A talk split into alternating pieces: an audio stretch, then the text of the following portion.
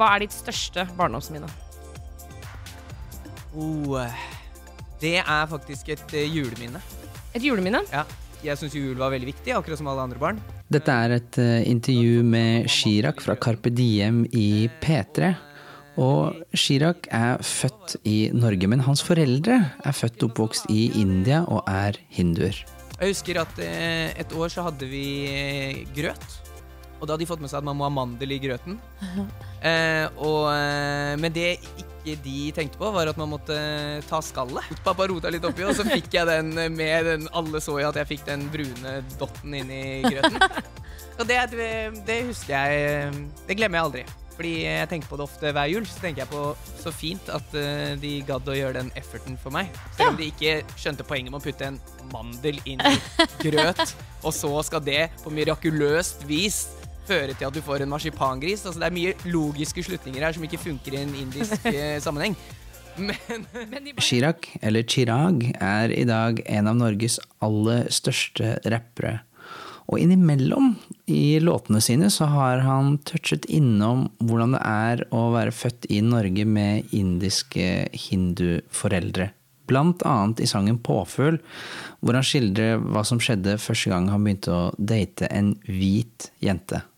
Men det er ikke så ofte at hinduer i Norge blir tematisert i media eller i kulturen. Og mens Shiraks foreldre kommer fra Gujarat og dermed Nord-India, så kommer den største gruppen av hinduer i Norge fra Sri Lanka. Og er tamiler, en egen etnisk gruppe som har sitt eget språk, nemlig tamil. Yes, da, vi, da har vi kommet til tempelet, som dere ser i bakgrunnen. Vi har pyntet oss, blitt ordentlig tradisjonelle gutter. Kjempefine. Helt Lanka. Helt Lanka Lanka. Nå snakker du for lite. Du snakka mye i stad. Dette her er fra NRK-programmet 99% norsk, hvor vi får møte Yea Sant, som er fra Sri Lanka, og som skal ta med bestekompisen sin Mathias til Sri Lanka, hvor Yea Sants foreldre er født og oppvokst. De har kledd seg opp i fine klær og dratt til et hindutempel og for norskfødte Mathias er det ikke overraskende nokså eksotisk å komme inn i dette tempelet. Det var veldig mystisk eksotisk og bare masse inntrykk på en gang. Det var lukt, det var musikk og trommer, folk som gikk rundt med det derre håndkleet rundt uh, livet. Inne i tempelet så fins det statuer av ulike guder, og den viktigste guden som tempelet er dedikert til, er Murugan. Og Murugan er Shivas sønn, men han er kanskje også den mest populære guden blant tamilene. Ikonografisk så fremstilles han ofte med to koner, én på hver side. Og når eh, Mathias spør jeg sant, hvorfor Murugan er den viktigste guden, eller hvorfor de liker han best, så svarer jeg sånn litt fleipete at det nettopp er fordi han har to koner. Så her har vi Murugan. Hvorfor, er hvorfor liker du den best? Han har to koner, da. Han har to koner. Han er play, playboy-guden. Playboy-guden? Nei, nei, nei, jeg tror fast. ok, Men hva er, hva er, det han liksom står for? At det er på seg, sånn? altså, det, er, det er liksom Alle gudene står for fred, peace, ikke sant? Og det... det var skikkelig fint her, altså. Men hvor religiøs er du egentlig? Eller liksom, hvor... Så jeg er ikke den som er mest religiøs. Men jeg er religiøs. Jeg har alltid vært det fra jeg var liten av. Det er jo på grunn av at det kommer foreldrene mine også. De er ganske religiøse. Mm. Og som alle andre i Norge som vokser opp mellom to forskjellige kulturer, så opplever jeg sant både at det kan være en berikelse og en utfordring. Det vanskeligste å være um, fra to forskjellige kulturer er det å tilpasse seg, syns jeg. Um, når du er med tamiler, skal du være skikkelig tamilsk og oppføre deg på en annen måte. Når du er med uh, de norske, skal du være litt mer sånn mer norsk.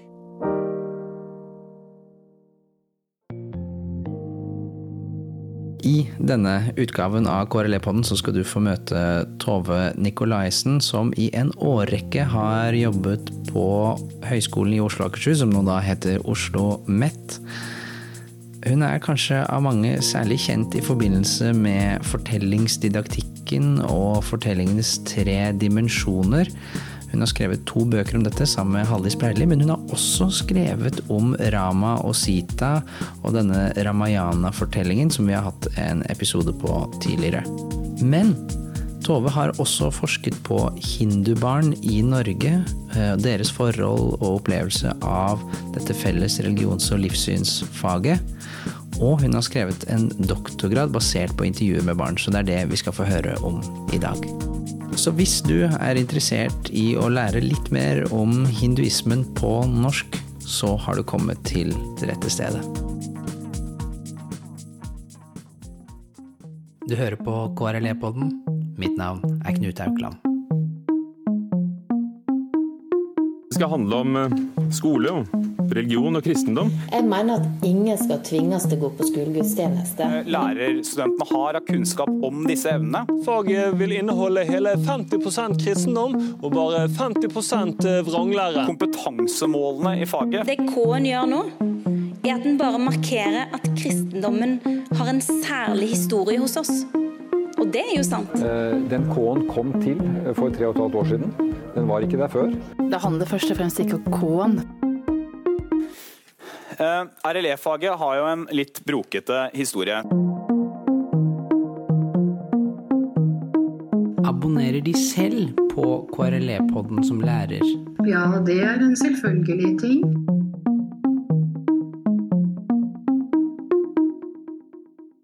Tove Nikolaisen, du har skrevet en doktorgrad som heter 'Hindubarn i grunnskolens religions- og livssynsundervisning'. Hvor, hvis jeg har skjønt det riktig, du fulgte syv barn, hindubarn, veldig tett i undervisningen og intervjuet de flere ganger om deres erfaringer, hvordan de syns undervisningen var. Ja. Kan du fortelle litt om, det, om den? Ja, først så har jeg lyst til å si at jeg syns dette var så utrolig fint å gjøre. Og morsomt å gjøre. Jeg um, observerte en hel masse KRL, het det stort sett jeg drev med det, og litt RLE, så jeg sier KRL. En hel masse KRL-timer, og intervjuet, som du sa, sju barn. Og jeg blir egentlig aldri lei av noen av delene. Altså, Sitte og observere KRL-undervisning syns jeg er veldig spennende. Og intervjue barn, det syns jeg er så fint, for jeg syns barn sier så mye klokt.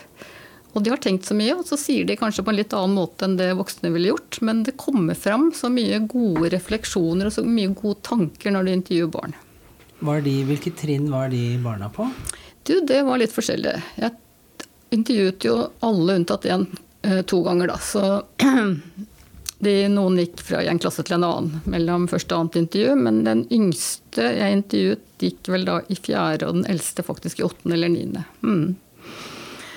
Så det var litt spenn i alder, men jeg opplevde jo at det de tenkte om undervisningen, om egen religiøs praksis og disse tingene her, det syns jeg på en måte lignet på hverandre, selv om det var spenn i alder, da.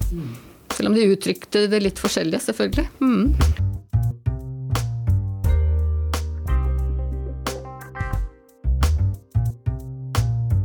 Jeg kan prøve å fortelle litt om dem. Nå kjenner jo jeg dem fra intervjuer og observasjon i skolen. Jeg kjenner jo ikke livet deres ellers.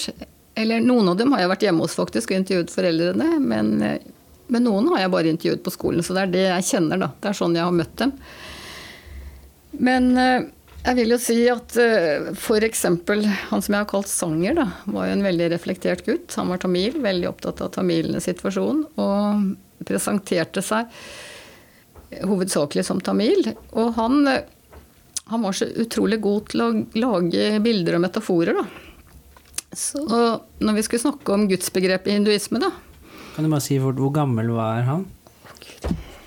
Det jeg skal fortelle om nå, det var da han gikk i sjette klasse.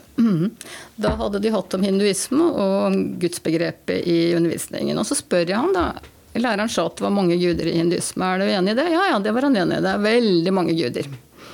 Men så utfordrer han litt og sier men er det ikke egentlig bare én? Også, jo, jo, det er også bare én, sier han. Og så lager han sånn en sånn fantastisk måltidsmetafor da, om dette. Hvor han kaller Han var jo tamil, da, og Siva var hans hovedgud. Så han sier Siva, han er hovedretten. Og så er på en måte alle de andre gudene, sånn som Ganesh og alle de andre, de er desserten. Og så spør jeg var det noe forrett. da? Ja ja, det er den upersonlige guden. Selv han sier ikke bra mann, men han sier det er den upersonlige kraften som er bak alt. Så han lager på stående fot sånt, en sånn måltidsmetafor.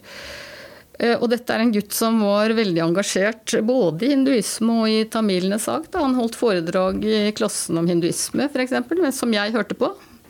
Senere har jeg hørt av lærerne at han har holdt foredrag for skolen om tamilene. Og jo, jeg har en veldig morsom historie om ham, da. Læreren som fortalte dette her, da, at det hadde vært eh, litt sånn clash i friminuttet, da, hvor elever hadde disset hverandre da, for, med bakgrunn i religion. Så de hadde slengt ut uh, forskjellige ting etter hverandre, sånn at kristne ble kalt jævla svinespisere, og muslimene ble kalt koneplagere. Men så til slutt hadde sanger ropt 'Men vi har mange guder, og det er bedre'. Ja. Og det syns jeg var en en fantastisk morsom historie, da. Dette ble da tatt opp i timen etterpå, det. bare for å si det at læreren tok det opp med en gang etter friminutt. Mm.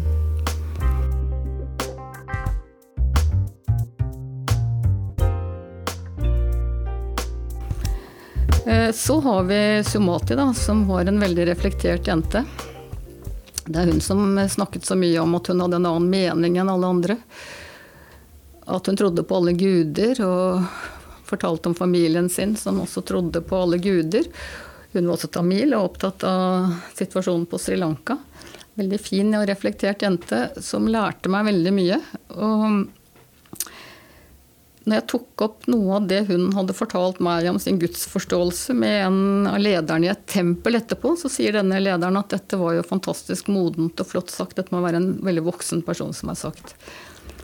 Samtidig, når hun skulle sammenligne religioner, så kom hun med sånne eksempler som kanskje kan høres litt banale ut. Ja, likheten mellom hindre og buddhister f.eks. er at begge tar av seg på bena når de går i tempelet. For. Også når hun skulle snakke om eh, humanetikere, så var det at de kunne spise alt. Og noen ganger så tenk- så tenkte jeg først at dette var jo et veldig enkelt eksempel, men så skjønte jeg jo plutselig at dette handlet jo om praksis. da. Det var det hun så på. Det var praksisen hun så på. Og da var det å ta seg på bena og vise respekt når det går i tempelet var veldig viktig. Og dette med maten var veldig viktig.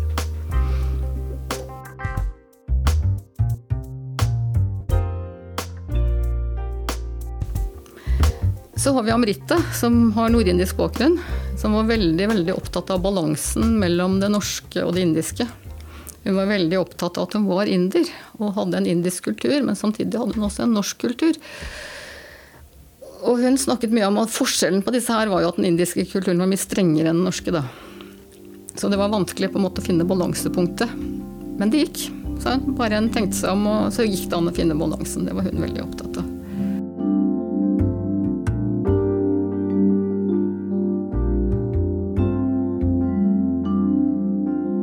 Jeg ble veldig glad i disse barna. Jeg syns det var fantastisk spennende å intervjue dem. Jeg syns det har vært et privilegium å få lov å intervjue barn om deres religiøse praksis.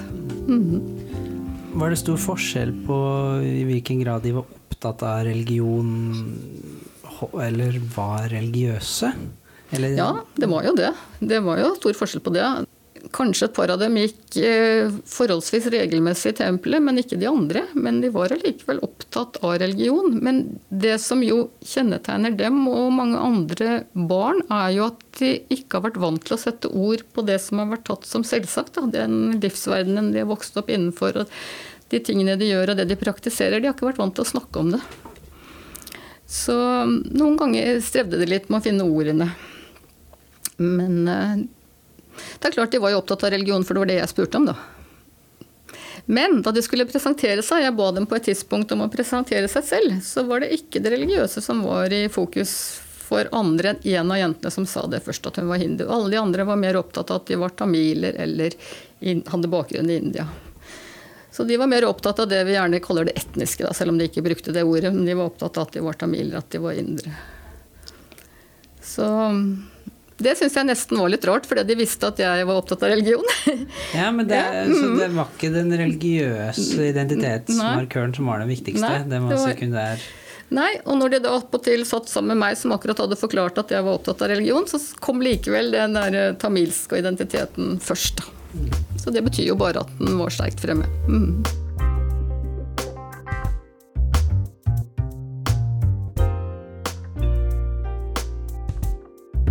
Grunnen til at jeg gjorde akkurat dette her, var jo det at eh, hinduer flest, da. De er åpne og inkluderende i sin religion. Og de kommer fra en tradisjon som er åpen og inkluderende. Ikke alle, selvfølgelig, men de fleste er det. Og så var jeg veldig opptatt av hvordan barn med bakgrunn i en åpen og inkluderende tradisjon erfarte et felles religions- og livssynsfag. Uh, og da tenker jeg at det er det noe lærdom i, det de sa om det, og det de sa om faget og sin opplevelse av det. Sånn mer generelt, da, på et mer generelt plan, som også kan si deg noe om elever generelt, hvordan de erfarer religions- og livssynsundervisning. Men så mener jeg jo også at undervisningen kan Jeg liker jo ikke å si bruke elever som ressurser, da, men at, de elevers, at en kan bruke elevers erfaringer i undervisningen. Um, når elevene selv vil det, selvfølgelig. Men jeg tror det er ganske viktig. fordi sånn som jeg erfarte det, så var det jo en god del av undervisningen om hinduisme som disse elevene ikke kjente seg igjen i. Og Derfor mener jeg det er veldig viktig at læreren er interessert i elevene. Hva de tenker og mener, hvordan de praktiserer, hvis de praktiserer. Altså Det er ikke sikkert du praktiserer for dem du kaller deg en hindu, men den grad de praktiserer, eller kanskje ikke praktiserer, og hva de tenker om forskjellige ting. Um, i Norge er det jo to store grupper av hinduer. Det er de som, fra, som er tamiler har bakgrunn fra Sri Lanka, den største gruppa. Og så er det de som har bakgrunn i Nord-India. Og det er to helt forskjellige tradisjoner med forskjellige språk og eh, forskjellige fester til dels. Noen felles fester, men også til dels forskjellige høytider. Så har det jo tradisjonelt vært sånn at læreverkene i KRL, altså i norsk skole, har tatt utgangspunkt i den nordindiske formen for hinduisme. Noe som har gjort at barn med tamilsk bakgrunn ikke har kjent seg igjen mange ganger. F.eks.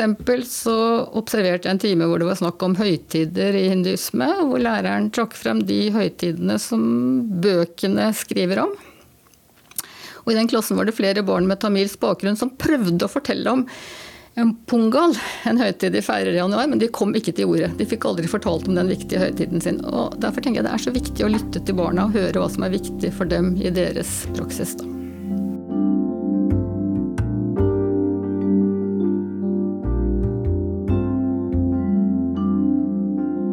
Noen sier at hinduismen ikke er én religion, men mange. Men i hvert fall er det veldig mange retninger og mange tradisjoner og mange lokale varianter.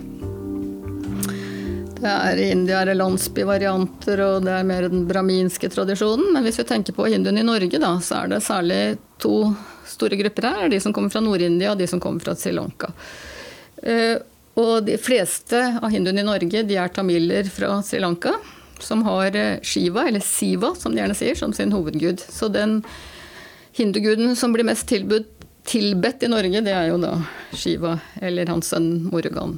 Hvis jeg går ut og snakker om undervisning, så er det jo viktig å være klar over da, at eh, disse to gruppene, da, hvis vi nå ser på de, de har en helt forskjellig innvandringshistorie. Eh, Nordinderne kommer jo gjerne som arbeidsmigranter eller for å ta utdannelse. I det siste har mange kommet for å jobbe som IT-arbeidere f.eks. Mens veldig mange tamiler har kommet som flyktninger og asylsøkere pga. borgerkrigen på Sri Lanka.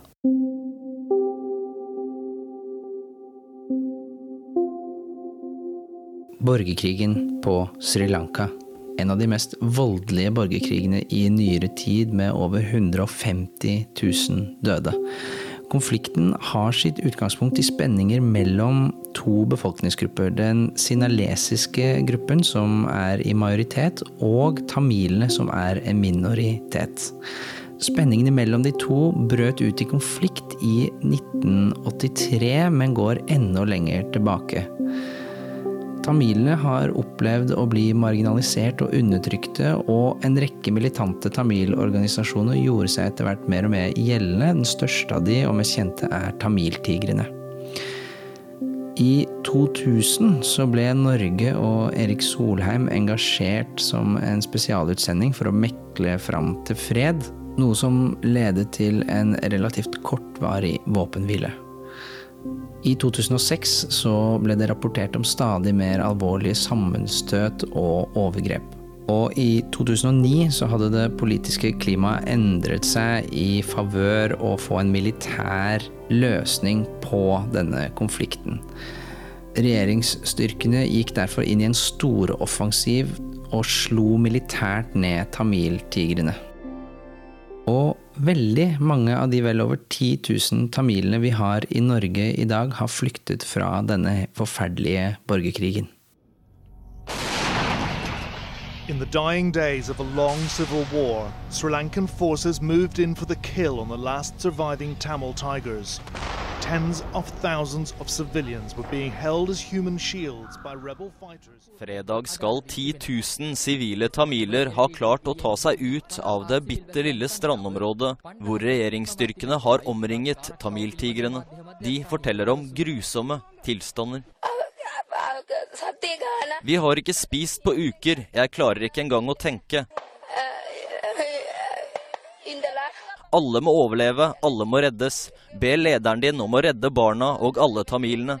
Jeg bryr meg ikke lenger. In the final months of Sri Lanka's 25 year civil war, there was a last push by government forces against the Tamil Tigers in the north of the country, away from the gaze of the international media and NGOs. Det er tidlig fredag morgen i et rolig boligfelt på Lørenskog. Hun har tre unger som skal vekkes. Sammen med mannen prøver de å leve livet som de pleier. Men tankene er et helt annet sted. Mange i familien er drept de siste fire månedene.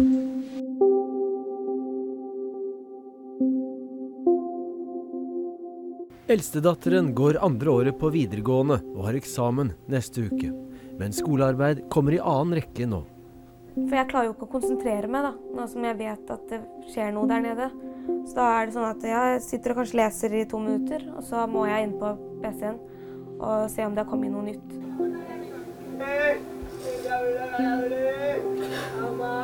Når som helst kan bilder av nær slekt dukke opp. I går så de en i familien på video.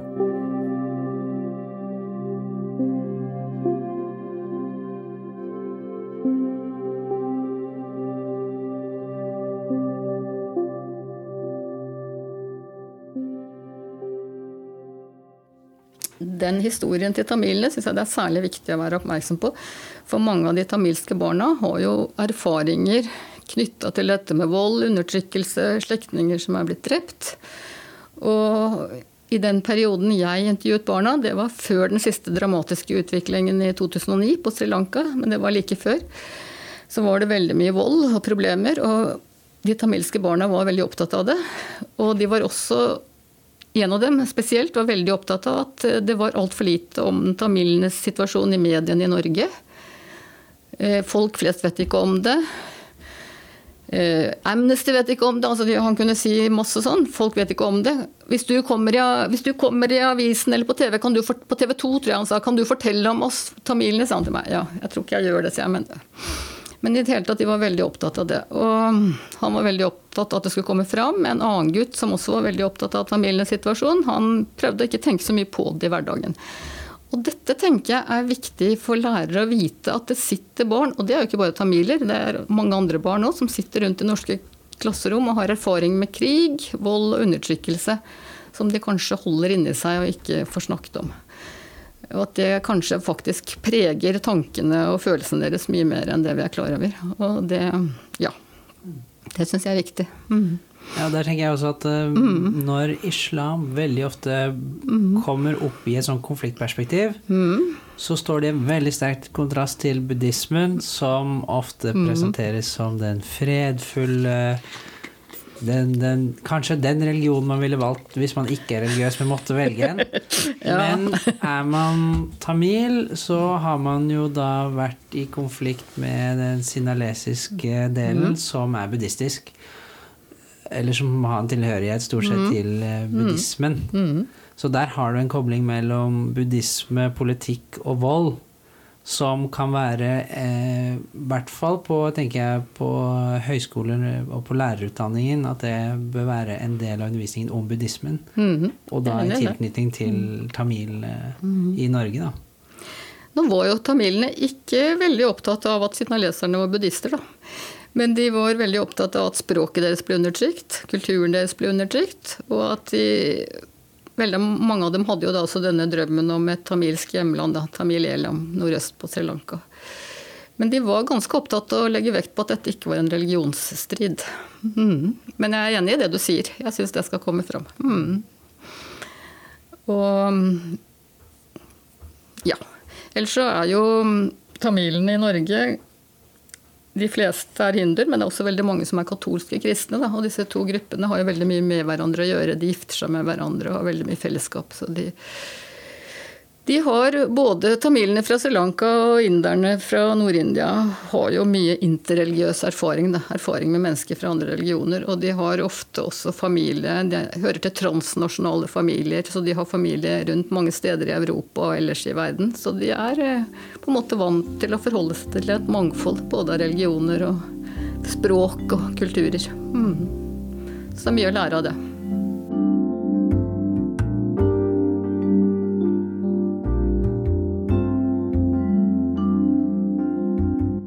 Så du noen forskjell Mm. mellom hvordan de tamilske og de nordindiske elevene opplevde undervisningen eh, om hinduismen? Ja, jeg har jo et eksempel som faktisk ikke er fra doktorarbeidet mitt, men fra en tidligere erfaring ute i praksis. Eh, hvor studentene som jeg fulgte i praksis, hadde undervisning om hinduisme. Og så sitter det en beskjeden gutt der som er tamil. Så jeg gikk litt rundt i klasserommet, de drev med noen oppgaver. Og så sier han til meg Du, sier han, jeg kjenner meg ikke igjen i det som står i læreboka om hinduisme, for den handler om India, og jeg er fra Sri Lanka. Og denne gangen ble også studentene rettet når de sa Ganesh. For da sa de tamilske elevene vi sier ikke Ganesh, vi sier Pilayar. Mm. Så det er forskjell. Og jeg erfarte jo også eh, Jeg var på eh, tempelbesøk i tamilenes tempel på Ammerud med klassen til en gutt som fra, hadde familie fra Nord-India. Og han sier ja, han kjente seg ikke helt igjen. Noen ting var jo likt i det tempelet han pleide å gå i, men mange ting var forskjellige. Og det er fordi dette er et tamilsk tempel, og jeg kommer fra Nord-India. Så noen av barna var veldig bevisst på den forskjellen, og erfarte den kanskje som spennende eller som frustrerende, da.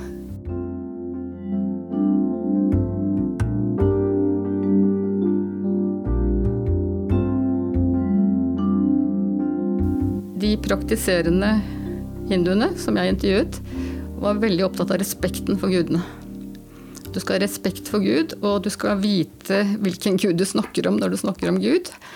Selv om det egentlig bare er en gud, men den, det aspektet av Gud du snakker om. Og da skal du snakke om det korrekt og vise respekt. Og i hele tatt det med respekt gikk igjen i alle intervjuene. De har lært hjemme, sa de, å respektere andre. De var veldig opptatt av det med å respektere både andres religion og egen, egen religion, og gudene i egen religion. Det var de veldig opptatt av. Vi som har respekt, var det nesten sånn at det var nesten en sånn slags type slagord. Vi som har respekt, for vi har lært om respekt. Så kunne de føye til, men det er ikke alle som har like stor respekt for oss. Og da kommer f.eks. dette her med at noen ler av Ganesh og sånne ting. Mm.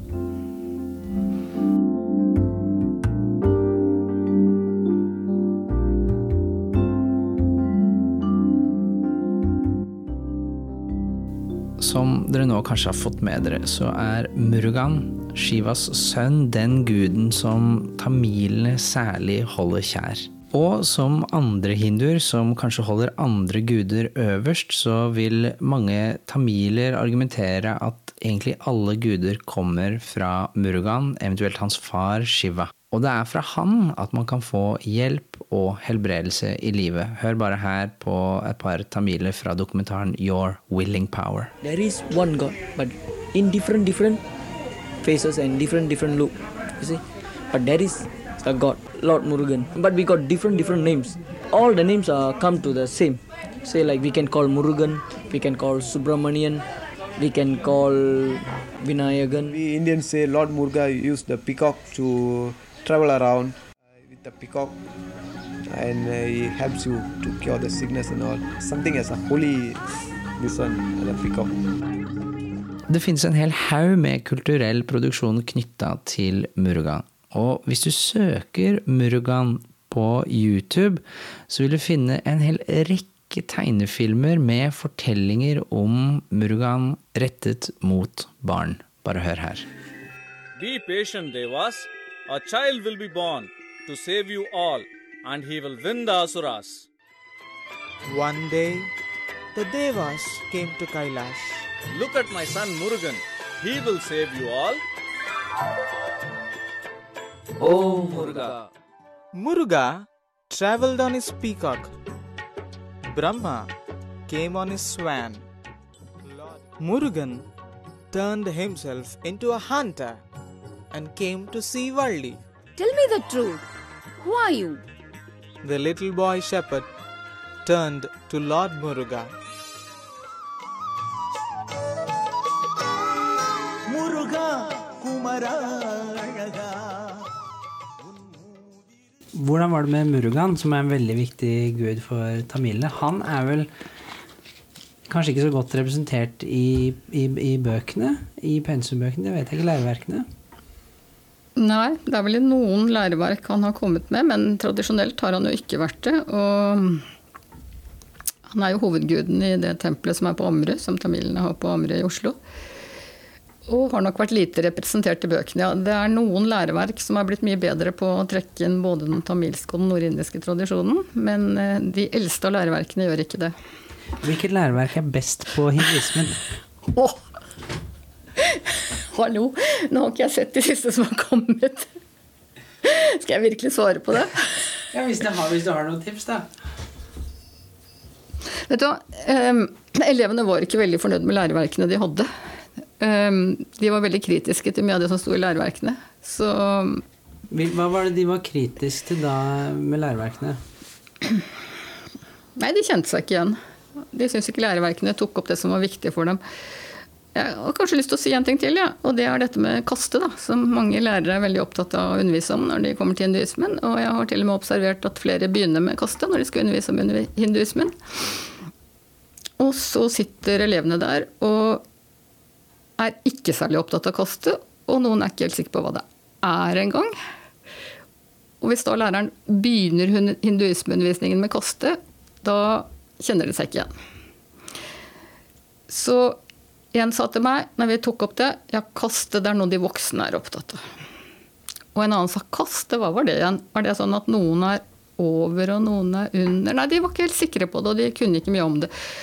Så hvis da undervisningen starter med det, og det gjør faktisk også noen av læreverkene, da, starter, det er ett læreverk, og nå husker jeg ikke hvilket og hvilket trinn, som handler om alle religionene, og hver av alle de andre religionene begynner med en praksisfortelling. Spenn om en høytid, spennende om en høytid, mens hinduismekapitlet begynner med kaste. Kastesystem. Uh, og det er ikke det jeg mener at den ikke skal undervise om kaste, men den skal gi det passe mye plass, og ikke sette det i sentrum og starte med det, men gi det den plassen det skal ha, og kanskje kan en vente med det til høyere trinn. Ta det i et litt mer religionskritisk perspektiv.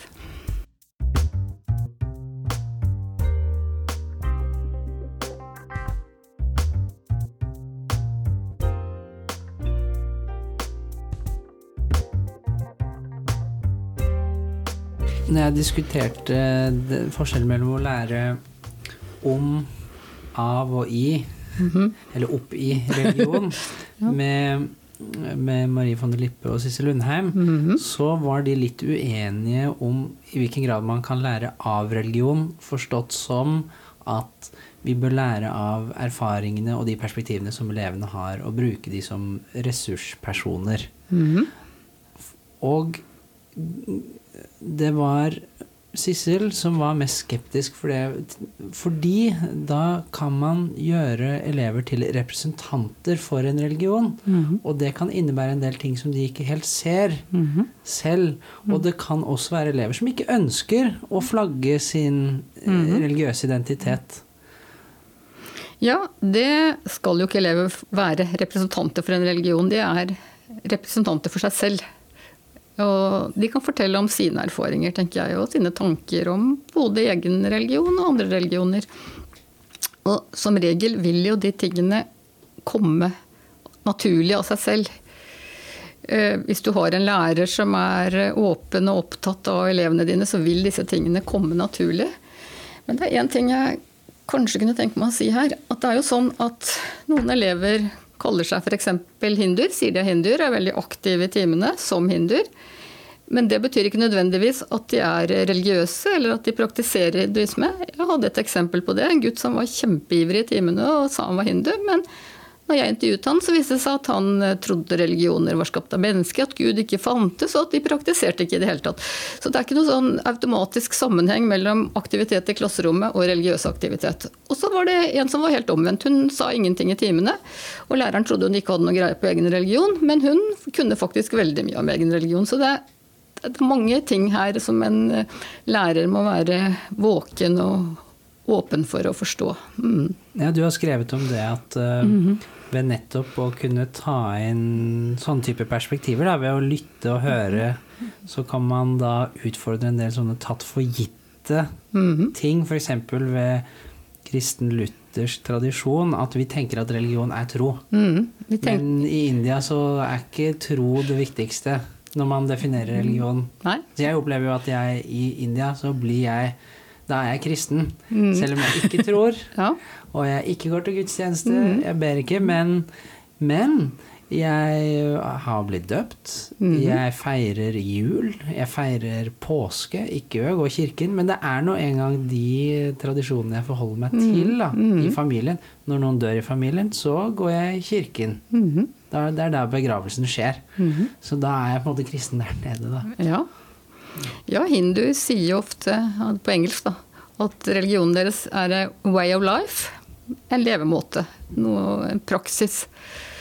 Eh, og det var sånn jeg også erfarte det. Men samtidig så hadde disse elevene jeg intervjuet, lært å snakke om religion som tro, og det tror jeg var pga. faget. Så de snakket hele tiden om tro når de snakket om religion, altså at de trodde på noe. Men samtidig, hvis jeg spurte dem om å sammenligne med andre religioner f.eks., så var det praksis de alltid tok tak i. De snakket om praksis, hva de gjorde og hva andre gjorde. De var veldig opptatt av det. Så dette er en av de tingene som jeg tenker at eh, en kan lære av dette. Og dette gjelder jo ikke bare hinduer som tenker om religionen sin som praksis, det er det jo veldig mange som gjør. Og, og også mange kristne, selvfølgelig, som tenker om som, som, som du sa nå. Så det er et viktig aspekt som jeg tror har blitt litt borte innenfor eh, luthersk kristendomsform, fordi en har vært så veldig opptatt av det å tro, da. Mm. Og å lage et skille mellom tro og praksis. Men som med veldig mange andre så henger dette veldig nøye sammen. Mm.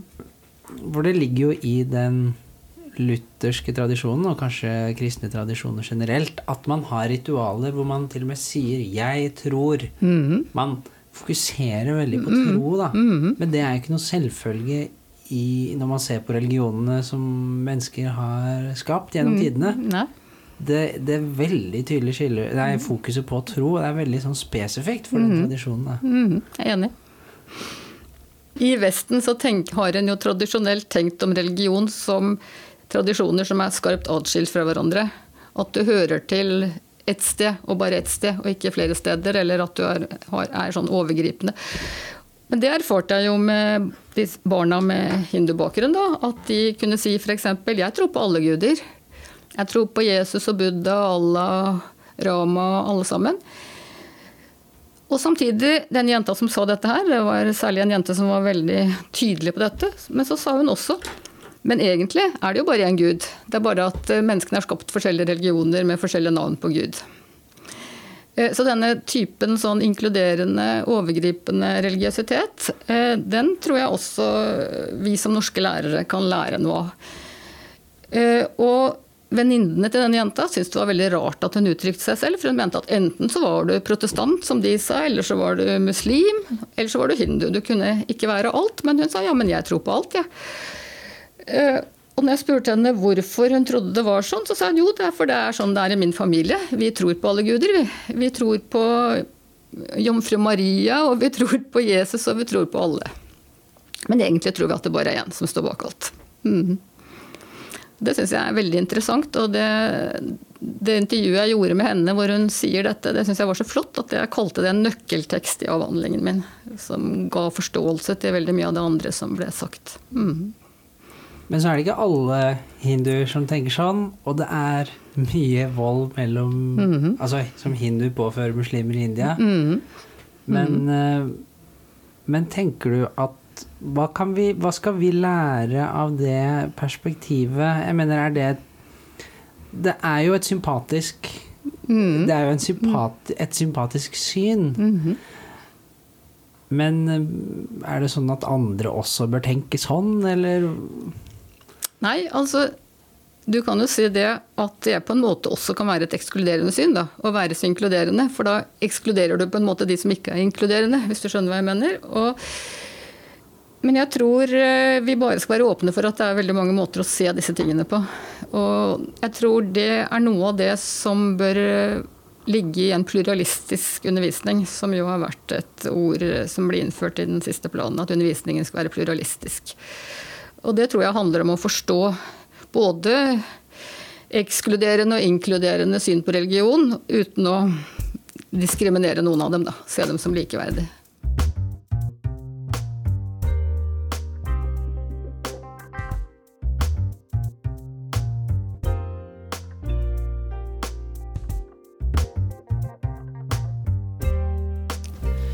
På det når man tenker på å bruke eh, Altså det å trekke inn f.eks.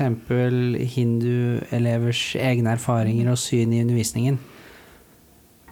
Kan det være sånn i dag i Norge at det kan være lettere som elev å flagge sin religiøse identitet hvis man f.eks. har en hindubakgrunn eller buddhistbakgrunn, mens det kanskje er vanskeligere hvis man tilhører ja, Jehovas vitner, Mm. eller kanskje man er jøde, eller om, Mm. om man er muslim. Nei, jeg vet jo at noen mener det, men jeg vet egentlig ikke. Jeg er ikke så sikker. Altså, jeg har jo vært lærer i barneskolen selv, da. Og bl.a. hatt en del elever som hørte til Jehovas vitner, og de elevene hadde ikke problemer med det, men det, det vil jo variere. Men jeg har jo hørt forskere som har sagt at f.eks. at det er mye vanskeligere å flagge en kristen tro, da, nå sier jeg tro, i religionsundervisningen enn kanskje det å være hindu eller buddhist. Men jeg er ikke så sikker, fordi at eh, flere av de barna jeg intervjuet, opplevde jo dette med eksotisering og andregjøring, at andre elever syntes at gudene deres var rare, at det var rart i tempelet og sånne ting. Så det er ikke sikkert det er så veldig mye lettere å flagge at du er hindu, egentlig. Nettopp fordi en del andre elever som ikke er vant til den formen for religion, syns at dette kan være litt rart og merkelig noen ganger. Mm. Kan du forklare hva andregjøring og eksotifisering er for noe? Ja, jeg skal prøve. ja, det handler jo om at du tar utgangspunkt i det du selv står for som noe som er normalt og riktig, ikke sant? Og i og med at du tenker at du representerer normalen, så kan det føre til at du ser på de som er annerledes, da, som har en annen form for religion eller en annen form for gudssyn, eller eh, gudestatuer i tempelet sitt som noe som avviker fra det normale og dermed blir noe annet. Og at du ser på det da som merkelig og rart, og at du på en måte andregjør dem. da. Altså setter dem i en sånn annen posisjon i forhold til det som er førsteposisjonen og det normale. Nemlig f.eks. å høre til en monoteistisk tradisjon, hvor troen på en transcendent gud står i sentrum, f.eks. Mm. Og der er vel det, det der skillet da, mellom de og oss Mm. viktig. For det er fort at man kommer sånn Vi gjør sånn, men de gjør sånn. Mm. Og dette vi-et, Mm. hvem er det? Er det kulturkristne nordmenn? Er det kristendommen? Er det, hvem er dette vi-et? Og det kan jo variere, da. Jeg erfarte f.eks. eller observerte i en time at vi-et var de monoteistiske religionene. De som trodde på én gud. Og så spør læreren vet dere om en religion hvor de tror på flere guder. Ikke sant? Etter å ha sagt at vi, altså, det var, Undervisningen var om jødedom, og så sier læreren at ja, jøde, jødene tror på én gud, akkurat som de kristne og muslimene vet om en religion hvor de tror på mange guder. Og da var det masse hender i været, selvfølgelig, og svaret var hinduismen. ja. Og det er sånn jeg også har observert en god del undervisning, at lærerne setter en sånn klart skille mellom monotisme på den ene siden, politisme på den andre siden, eller på en måte en sånn lang strek, og så er hinduismen i den ene enden, og så er jødedom, kristendom og islam i helt i den andre enden. Men i virkeligheten så er det jo ikke sånn. Det er jo mye mer glidende overganger her. Eh, mange hinduer, de aller fleste kanskje, vil si at det egentlig er bare en gud eller en guddommelig kraft bak alt, som viser seg på ulike måter, at Gud har ulike aspekter, at Gud har ulike måter å framtre på. Men dette er et eksempel på at, altså sånn som jeg observerte det, at her klarte ikke de barna som var hinduer, å forklare sitt gudsbilde i klassesituasjonen. For da bare nikket de til at det var mange guder, at religionen var politistisk. De klarte ikke å forklare denne sammenhengen med at de tror på en kraft og mange måter å være guddommelige på. Det forklarte de meg veldig tydelig når jeg intervjuet dem, men det kom ikke fram i undervisningen. Så der eh, er det lærerens ansvar å forklare hvordan hinduer ser på det guddommelige. Så det var andregjøring. Men hva med, hva med eksotifisering? Hva er det for noe? Og hva, hvilke eksempler så du av det? De eksemplene jeg så på det, var um, for eksempel når eh, en klasse hadde vært på ekskursjon til et hindutempel og sett gudestatuene der, og de spør en jente da, som er hindu Det er ett eksempel. Hvorfor ser gudene så rare ut? Hvorfor har de så mange armer? Hvorfor har de elefanthode? Sånne type ting. Noen av medelevene sa at de syntes det var ekkelt at gudene hadde mange armer og dyretrekk. Og dette visste ikke denne jenta som jeg kalte Sumati, hvordan hun skulle forklare. Så bruker jeg, lagde jeg, tror jeg lagde et begrep som jeg kalte egengjøring. Mm.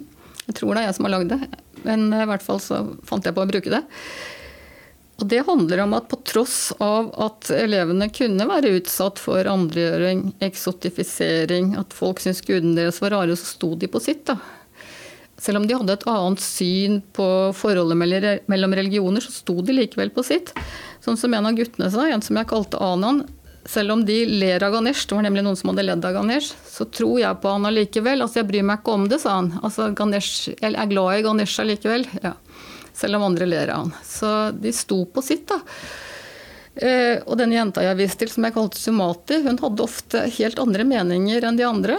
Men, men hun sa ja, men jeg har andre meninger om de andre. Så på en måte Når de på en måte syntes at hun var rar, da, og hennes meninger var rare, og andre gjorde henne, så var hun på en måte med på det selv òg, da. Hun ville være annerledes. og hun syntes det var fint å være annerledes og ha andre meninger, og det kaller jeg også for egengjøring, da. Du står på ditt, da. Mm. Og gjør det til noe fint at du har en annen mening enn de andre. Står for noe annet som hun da oppfatter som positivt. Du skriver at i, undervisningskonteksten så både fikk og tok alle barna som du intervjuet, rollen som hindu. Men, men det var ikke nødvendigvis sånn at de alle trodde på at Nei. gudene fantes, eller Nei. at de hadde noen virkning i verden. Nei, det er riktig. Eh, Spesielt så var det en gutt. Han eh, var veldig ivrig i timene.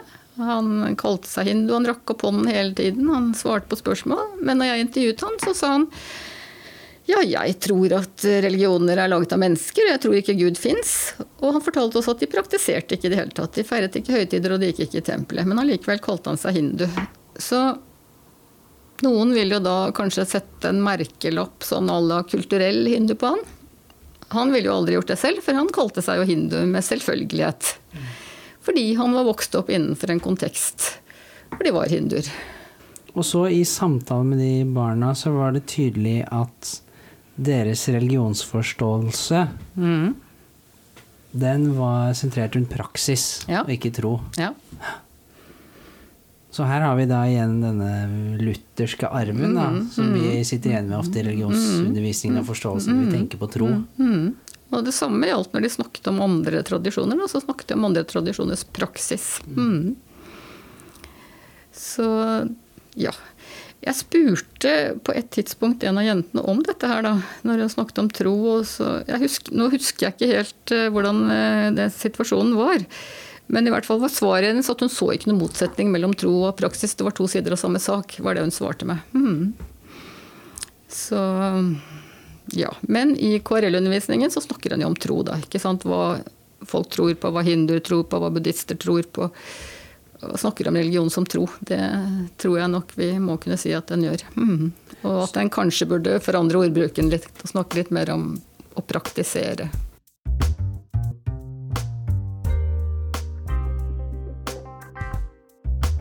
Mot slutten av intervjuet så spør jeg Tove om hva som er det viktigste å få med seg som lærer hvis man skal undervise om hinduismen, eller hvis man skal skrive et kapittel i en lærebok om hinduismen.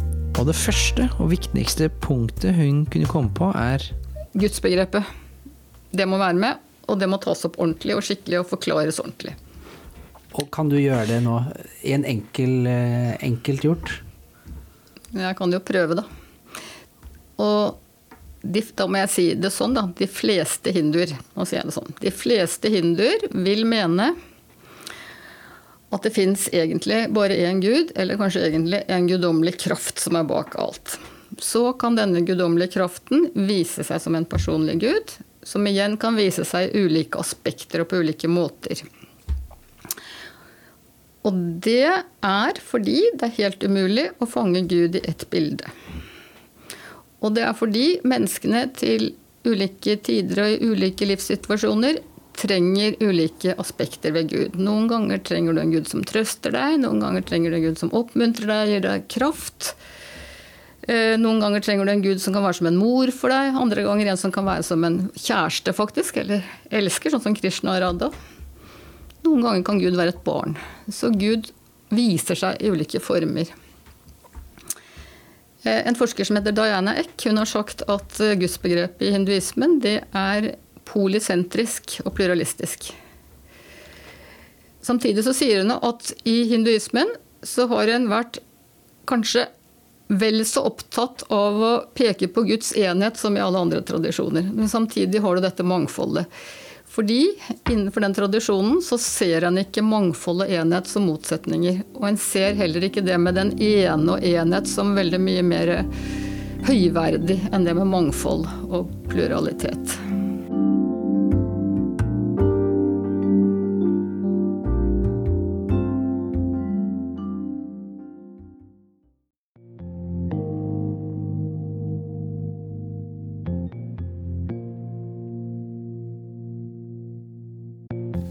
Til Tove Nikolaisen. Bakgrunnsmusikken har vært av Lee Roosevelt, og jeg kan avsløre at Tove Nikolaisen kommer til å komme ut med en knallgod bok om hinduisme som kommer til å hete Hinduer, som setter altså hinduene foran da hinduisme som system. Jeg har lest et tidlig utkast, og den ser veldig bra ut.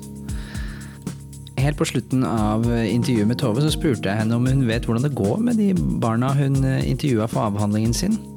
Nei, det gjør jeg ikke, men det skulle jeg gjerne ha visst. Så hvis dere hører på, kan dere da sende en mail til Tove Nikolaisen? Ja, å ja, du jeg ville gjerne visst hvordan det går med dem i dag. Det skulle jeg gjerne ha gjort. Mm. Helt til sist, Chirag og Carpe Diem med en låt som tar et oppgjør med kassesystemet. Den heter Rigveda 1090 og viser til et vers i de hellige Veda-skriftene. Og i dette verset så får vi en skapelsesmyte hvor de ulike samfunnsklassene blir skapt av en kosmisk mann. Og tjenerne de blir skapt av beina, mens prestene blir skapt av hodet. Chirag sier han har en kaste å vaske ut av blodet. Mitt navn er Knut Haukeland. Vi snakkes.